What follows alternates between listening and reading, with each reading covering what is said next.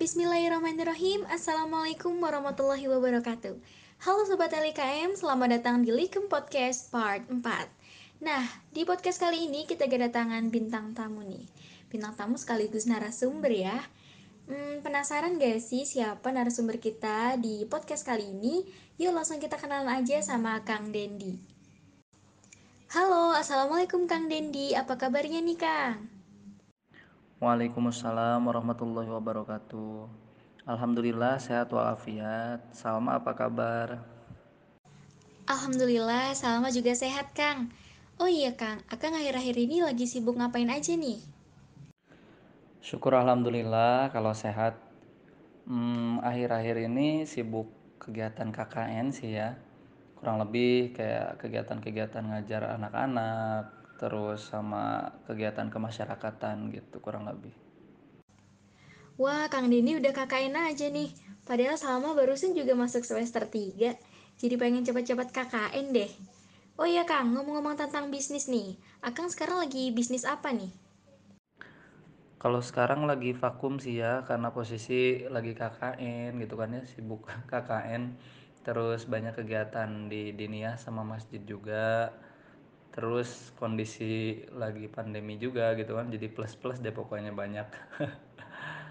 Kalau kemarin pas masih momen Ramadan itu alhamdulillah Kang Dendi eh, launching produk makanan khususnya buat takjil ya atau makanan manis manis-manis ya. Itu kurma coklat atau kurucok kurucok gemoy. Nanti boleh di follow follow ya IG-nya selebihnya waktu-waktu deket ini uh, lagi jalin kerjasama sih sama temen. Rencana mau launching produk lagi gitu kan. Mohon doanya juga dari semuanya mudah-mudahan nanti uh, diberi kelancaran Nah, keren banget nih Kang Dendi. Selain untuk e, memperbanyak ibadah ya, momen Ramadan ternyata juga bisa menjadi peluang usaha bagi segelintir orang. Salah satunya Kang Dendi yang bisa launching produk kurma coklat nih. Wah, Salma jadi pengen nyoba ini. Oh iya Kang, di podcast kali ini kita ada tema nih. Temanya kalau dibaca sekilas sih kayaknya gampang, tapi kalau e, udah kita coba ya, hmm, gimana ya? nah, tema kita kali ini yaitu cara membangun bisnis online dari nol. Nah, kan kira-kira hal pertama yang harus kita siapkan jika kita ingin membangun bisnis online itu apa sih? Oke, siap. Berbobot sekali ya obrolan kita kali ini. Uh, kurang lebih hal pertama yang harus disiapin itu ya kita harus punya modal. Nah, di sini tuh modalnya nggak terfokus ke uang aja gitu kan ya ke material aja gitu kan. Tapi pertama harus punya keberanian gitu kan ya dari segi mental. Berani mengambil keputusan gitu kan ya terus siap e, menghadapi kerugian gitu kan ya. Terus harus punya skill juga. Terlebih karena kita di sini bergerak di bidang ya bisnis online gitu kan ya. Harus melek teknologi kita gitu kan. Nggak boleh kita gaptek dan akhirnya nanti kita uh, kalah saing sama kompetitor kita gitu. Terus uh, harus kuasai juga gitu kan hal-hal yang berbau editing gitu kan. Supaya nanti kita nggak uh, nggak perlu ngeluarin dana lagi buat bayar orang supaya bisa ngedit-ngedit hal-hal uh, yang memang perlu diedit di akun kita gitu kan. Terus sisanya copywriting atau hypnowriting gitu kan ya itu juga perlu gitu kan. Supaya tidak kembali lagi supaya tidak keluar dana untuk bayar orang gitu kan nah sisanya mungkin modal yang terakhir itu ya ini sifatnya kondisional yaitu uang gitu kan. Tanpa uang pun sebenarnya masih bisa bisnis online gitu kan. Misalkan dengan e, bisa kita mulai dengan e, ngedropship gitu kan ya. Itu tanpa modal sekali gitu.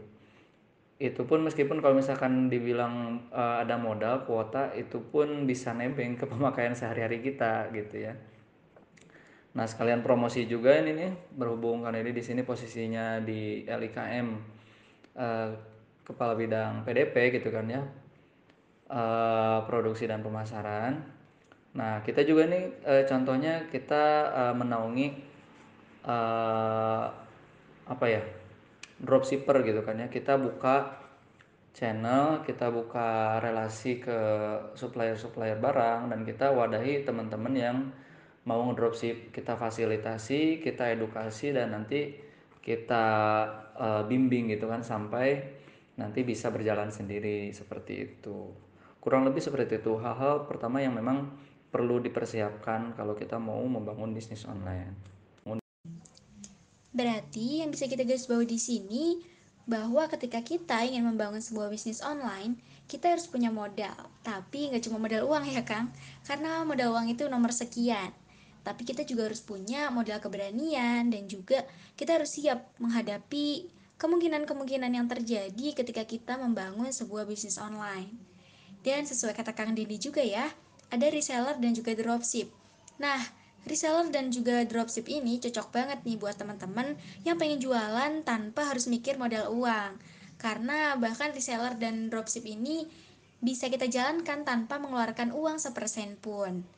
Nah, untuk selanjutnya nih Kang, setelah kita melakukan langkah pertama nih yaitu modal, langkah apa sih yang harus kita ambil e, untuk mempromosikan produk-produk kita nih dalam jualan online?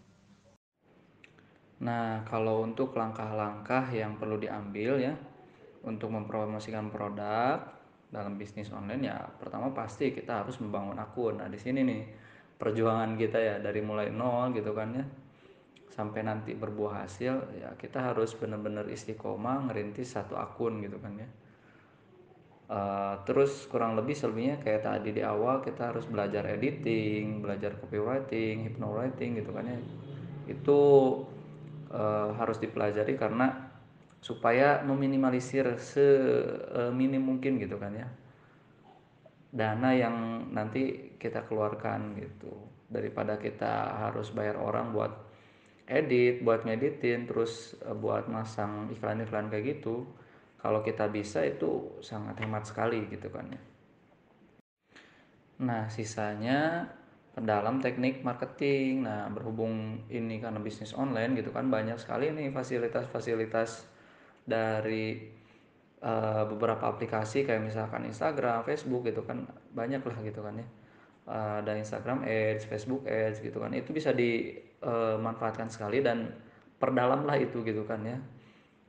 Terus uh, ada Google Trends juga gitu kan buat lihat uh, kondisi customer gitu kan mana buat nentuin kita uh, buat kita nentuin produk yang mau kita jual gitu kan nanti posisinya di mana gitu seperti itu sisanya uh, mungkin kalau misalkan nanti sudah uh, potensial dan sudah berkembang gitu kan supaya lebih mengembangkan lagi bisa baru ke kayak misalkan tender ke endorse influencer seperti itu. Itu pun nanti jika memang sudah uh, apa ya sudah besar lah gitu kan. Tapi kalau misalkan baru mulai-mulai uh, kita mandiri aja dulu gitu. Nah Kang apakah ketika kita ingin jualan sebuah produk nih kita harus menyesuaikan dengan selera pasar nih Padahal kan tren dan mode sekarang itu cepat sekali ya ganti-gantinya. Kemarin baju A, sekarang baju B. Nah, menurut Akang gimana nih, Kang? Oke, siap. Nah, mengenai kita harus ngikuti tren mode atau uh, selera pasar atau enggak gitu kan ya kembali lagi ke tujuan bisnis kita gitu kan kita membangun bisnis itu tujuannya hanya sekedar mengejar customer aja gitu kan ngajar customer musiman istilahnya kalau mode kan ya karena pasti gitu kan kalau ada satu musim yang emang muncul gitu pasti itu nggak akan bertahan terlalu lama. Pasti nanti akan ada uh, mode terbaru lagi gitu kan ya. Mode-mode terbaru lagi yang emang pasti model yang kita tawarin itu akan kehajar gitu kan dan memaksa kita buat ngikutin tren lagi gitu. Nah antara kita itu gitu kan ya mengejar customer musiman atau kita emang mau nge-branding produk kita. Jadi produk yang emang mempertahankan keaslian atau istiqomah gitu kan dalam satu produk yang emang eh, kualitasnya itu terpercaya lah gitu kan ya. Jadi memang dari dulu kita memang uh, jual produk ini loh gitu kan. Dan orang-orang pun sampai orang-orang gitu kan ya uh, customer kita itu tahu gitu bahwa uh, produk ini tuh nggak bisa kita dapetin di toko lain selain di kita. Nah seperti itu. Sebenarnya ini bisa jadi uh, ya dua alternatif ini tuh bisa kita ambil dua-duanya gitu kan. Mana uh, kita mau milih ikuti tren yang tadi gitu kan ya atau kita mempertahanin keaslian satu produk ini gitu kurang lebih. Soalnya ini kedua-duanya juga ya potensial tergantung kita yang menghadapinya gitu kita yang uh, ngegerakinnya seperti itu Nah, ngomong-ngomong tentang kompetitor nih Kang, bagaimana sih cara kita mengetahui kompetitor dari bisnis kita dan bagaimana nih cara menghadapi kompetitor? Apalagi sekarang kan pandemi dan semuanya serba online, serba digital. Gimana nih Kang? Oke, buat cara mengetahui kompetitor bisnis kita gitu ya. Eh, Kang Denny contohin kayak misalkan ke produk makanan ya. Gak tahu kenapa nih, contohnya makanan karena memang mungkin Kang Denny lebih condong ke makanannya, lebih tertarik ke bisnis makanan gitu kan ya. Misalkan hmm, satu produk tadi misalnya surabi gitu kan ya, surabi. Nah kita bisa testimoni tuh produk dari kompetitor kita gitu kan, dari penjual yang sama. Nah, kita bisa rasakan tuh dari mulai rasanya gitu kan ya. Terus pelayanannya, nanti uh, packagingnya juga gitu kan. Ini uh, kita bisa nilai gitu kan rasanya misalkan kalau dinilai dari satu sampai 100 itu berapa gitu kan ya. Terus mungkin varian-varian yang ada rasanya apa aja gitu. Terus packagingnya uh, bagus atau enggak gitu kan. Teknik packagingnya kayak gimana.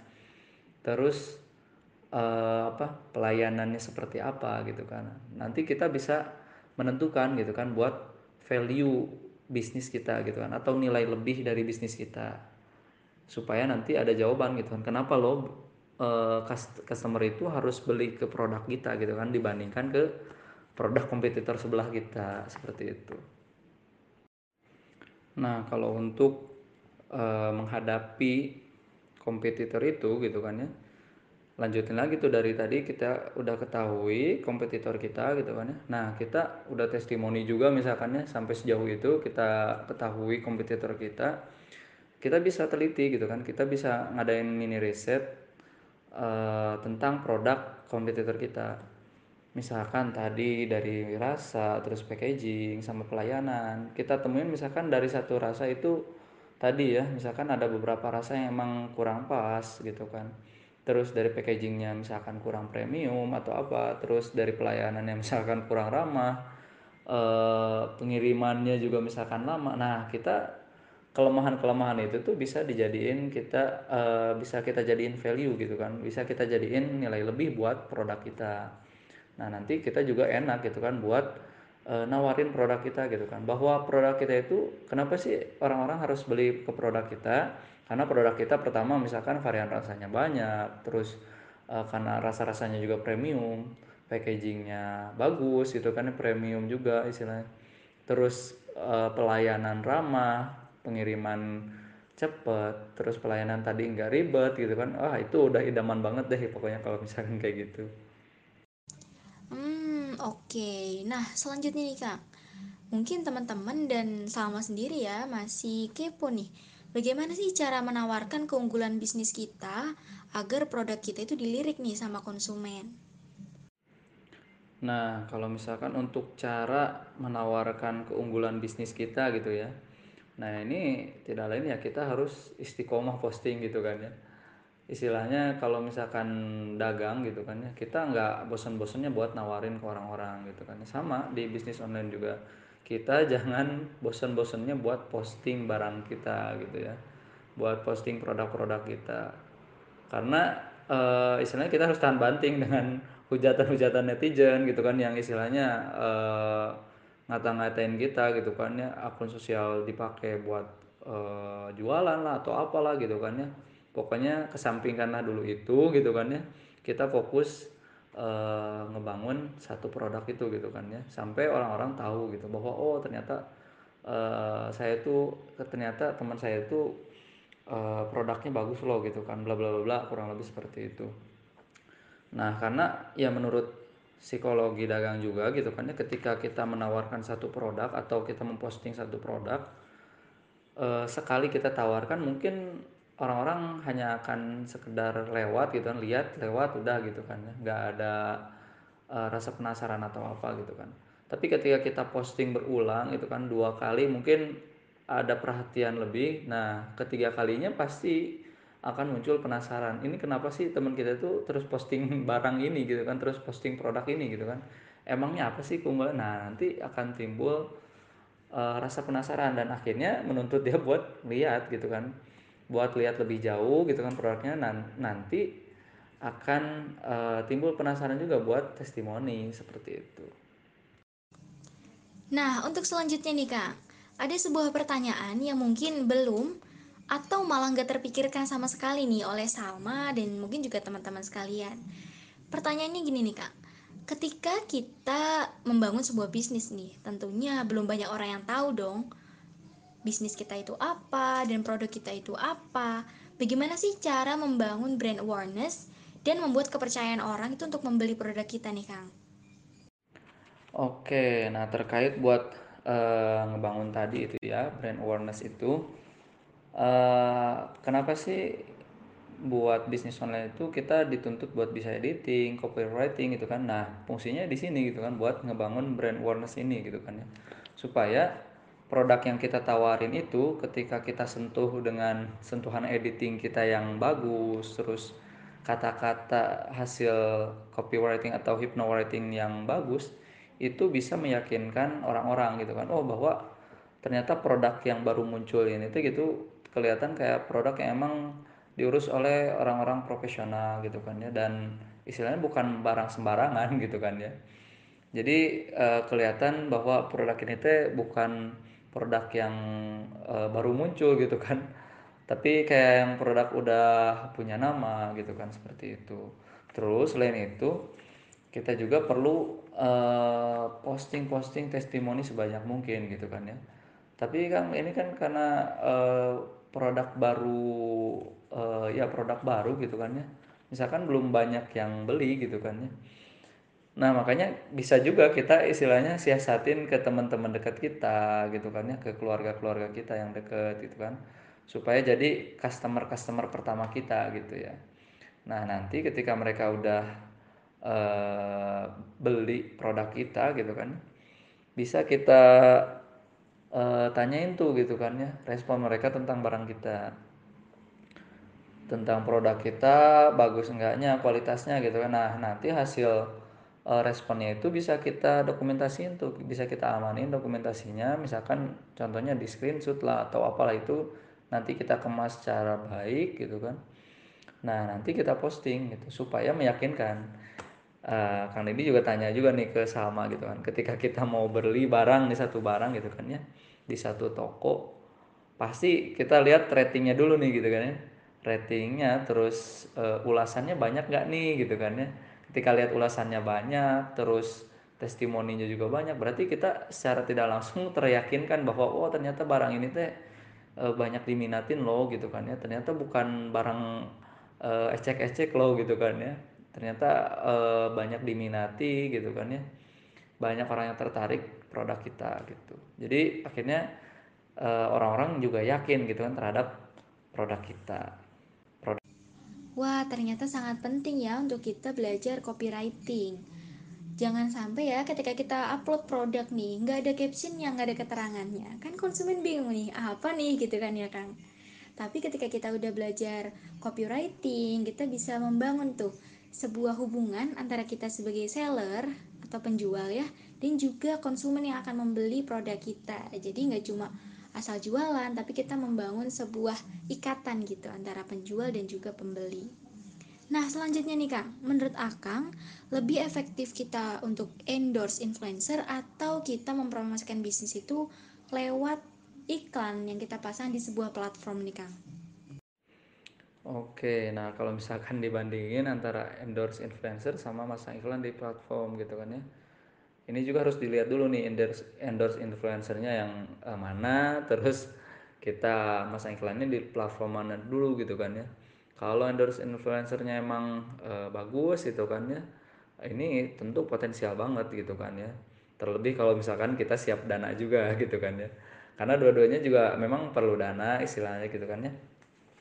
Tapi kalau di uh, kita banding-bandingin kayaknya sih lebih ke endorse influencer gitu kan ya karena ini jangkauannya bisa uh, lebih banyak juga gitu kan ya kemungkinan kemungkinannya juga lebih eee, banyak gitu kan ya potensinya dibandingkan dengan, eee, masang iklan di satu platform gitu kan. Karena kita juga istilahnya terikat juga sama platform tersebut gitu kan ya. Dan sebenarnya kembali lagi ke kesiapan dana gitu kan ya. Soalnya dua-duanya juga perlu, eee, merogoh kocek yang cukup dalam juga gitu kan ya. Nah, kalau misalkan tadi, eee, kita masang iklan di platform, ya siap-siap aja gitu kan kita, eee, iklannya misalkan buat berapa hari, terus munculnya berapa kali sehari gitu kan ya. Kalau misalkan di-endorse influencer, taruhlah misalkan kita, eee, ikut masang iklan di, po di akunnya misalkan gitu kan ya.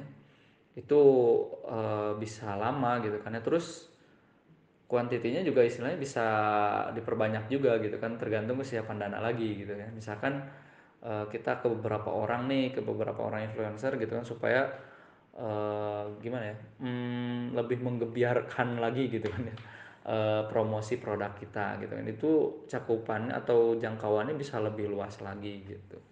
Dan potensi, eee, orang-orang membeli produk kita juga, eee, lebih lebih luas gitu kan, lebih, eee, potensial.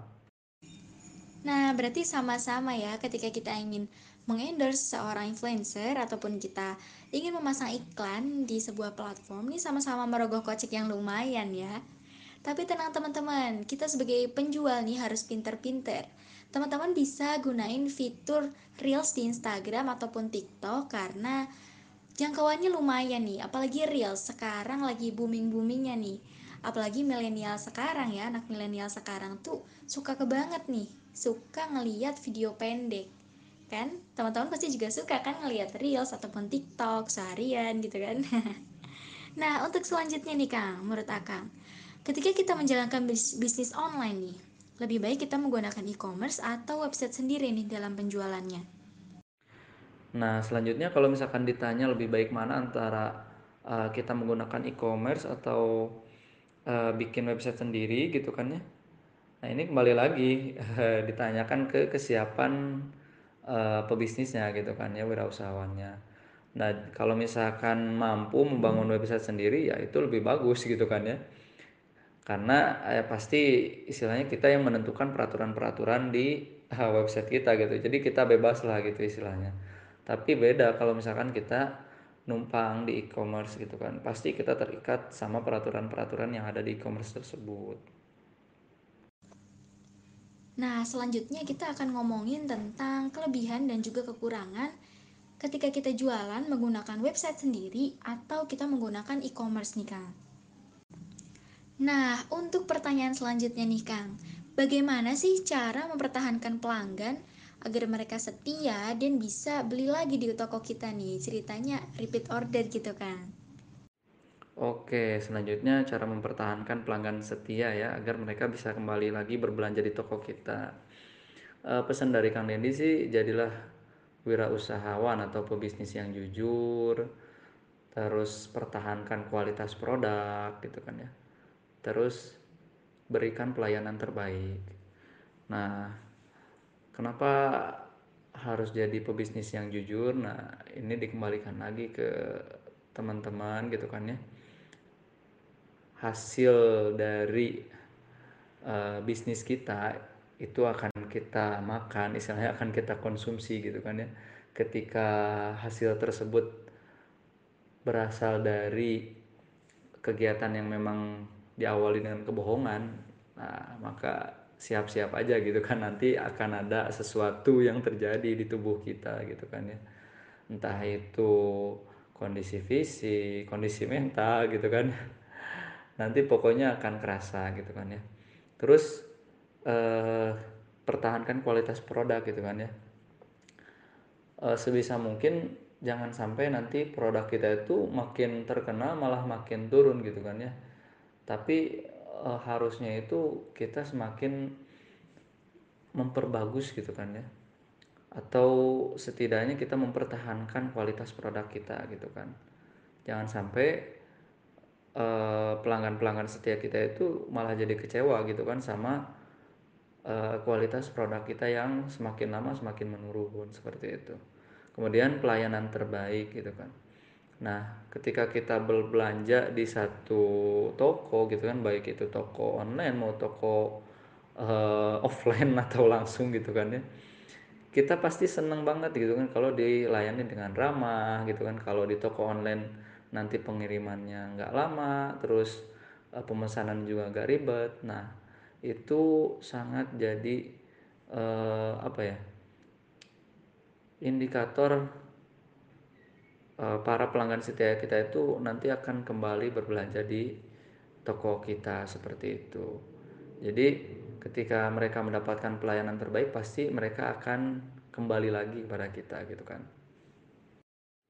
Oke, selanjutnya cara mempertahankan pelanggan setia ya agar mereka bisa kembali lagi berbelanja di toko kita. E, pesan dari Kang Dendi sih jadilah wirausahawan atau pebisnis yang jujur, terus pertahankan kualitas produk gitu kan ya. Terus berikan pelayanan terbaik. Nah, kenapa harus jadi pebisnis yang jujur? Nah, ini dikembalikan lagi ke teman-teman gitu kan ya hasil dari uh, bisnis kita itu akan kita makan, istilahnya akan kita konsumsi gitu kan ya. Ketika hasil tersebut berasal dari kegiatan yang memang diawali dengan kebohongan, nah maka siap-siap aja gitu kan. Nanti akan ada sesuatu yang terjadi di tubuh kita gitu kan ya. Entah itu kondisi fisik, kondisi mental gitu kan. Nanti pokoknya akan kerasa gitu kan ya. Terus eh, pertahankan kualitas produk gitu kan ya.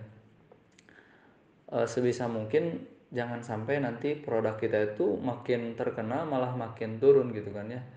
Tapi eh, harusnya itu kita semakin memperbagus gitu kan ya. Atau setidaknya kita mempertahankan kualitas produk kita gitu kan.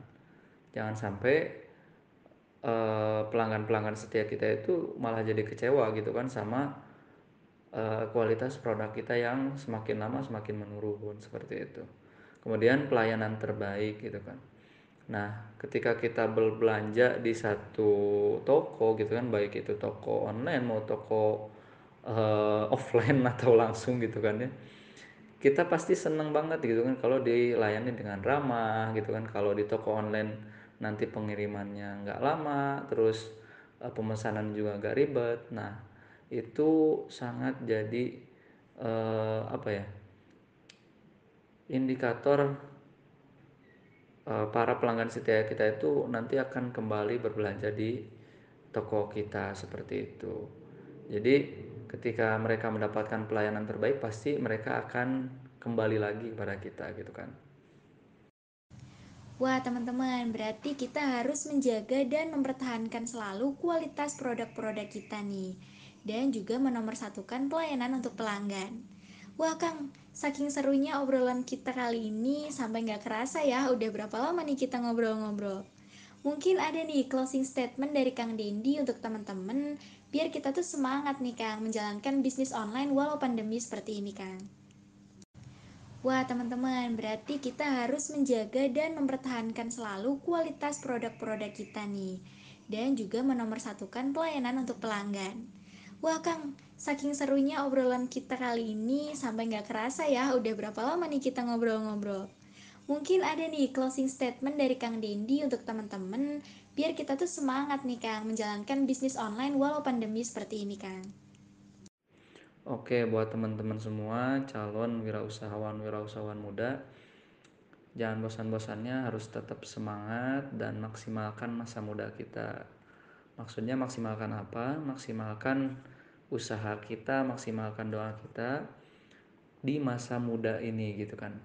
Karena apa? Karena ketika kita sudah memaksimalkan usaha di masa muda ini, ketika kita mengalami kegagalan, kita masih punya banyak waktu untuk mengulang dan memperbaiki kegagalan tersebut sampai nanti ketika kita sudah uh, berumur atau kita sudah berumah tangga kita sudah menikmati hasilnya berbeda ketika kita baru tersadar untuk memaksimalkan usaha ketika kita sudah berumur itu sudah banyak kesibukan lain dan pokoknya uh, tidak mendukung gitu kan ya untuk memaksimalkan usaha. Makanya maksimalkan masa muda saat ini. Seperti itu sama. Nah, baik terima kasih ya kepada Kang Dendi yang sudah bersedia menjadi bintang tamu ataupun narasumber kita pada Likem Podcast kali ini. Semoga KKN-nya dilancarkan dan juga produk yang mau Kang launchingkan bersama teman-teman dilancarkan juga. Oh iya Kang, semoga kita bisa bertemu lagi ya di Likem Podcast selanjutnya tentunya dengan tema yang lebih menarik dan juga lebih hot nih. Baik Kang Dendi, Assalamualaikum, sampai jumpa lagi. Nah, baik terima kasih ya kepada Kang Dendi yang sudah bersedia menjadi bintang tamu ataupun narasumber kita pada Likem Podcast kali ini. Semoga KKN-nya dilancarkan dan juga produk yang mau Kang launchingkan bersama teman-teman dilancarkan juga. Oh iya Kang, semoga kita bisa bertemu lagi ya di Likem Podcast selanjutnya tentunya dengan tema yang lebih menarik dan juga lebih hot nih. Baik Kang Dendi, Assalamualaikum, sampai jumpa lagi. Oke, siap Salma, sama-sama. Makasih banyak doa-doanya. Mudah-mudahan dikabul Allah Subhanahu wa taala dan mudah-mudahan kita kembali diberikan kesehatan, kesempatan sehingga kita nanti bisa bertemu secara langsung ya di podcast selanjutnya. Mudah-mudahan semuanya sehat. Amin ya rabbal alamin. Mangga Salma. Waalaikumsalam warahmatullahi wabarakatuh. Wah, nggak kerasa ya teman-teman, kita udah lumayan lama nih berbincang-bincang sama Kang Dendi tentang bagaimana cara membangun bisnis dari nol. Sekarang waktunya Salma pamit undur diri. Wassalamualaikum warahmatullahi wabarakatuh. Sampai jumpa di Likem Podcast selanjutnya.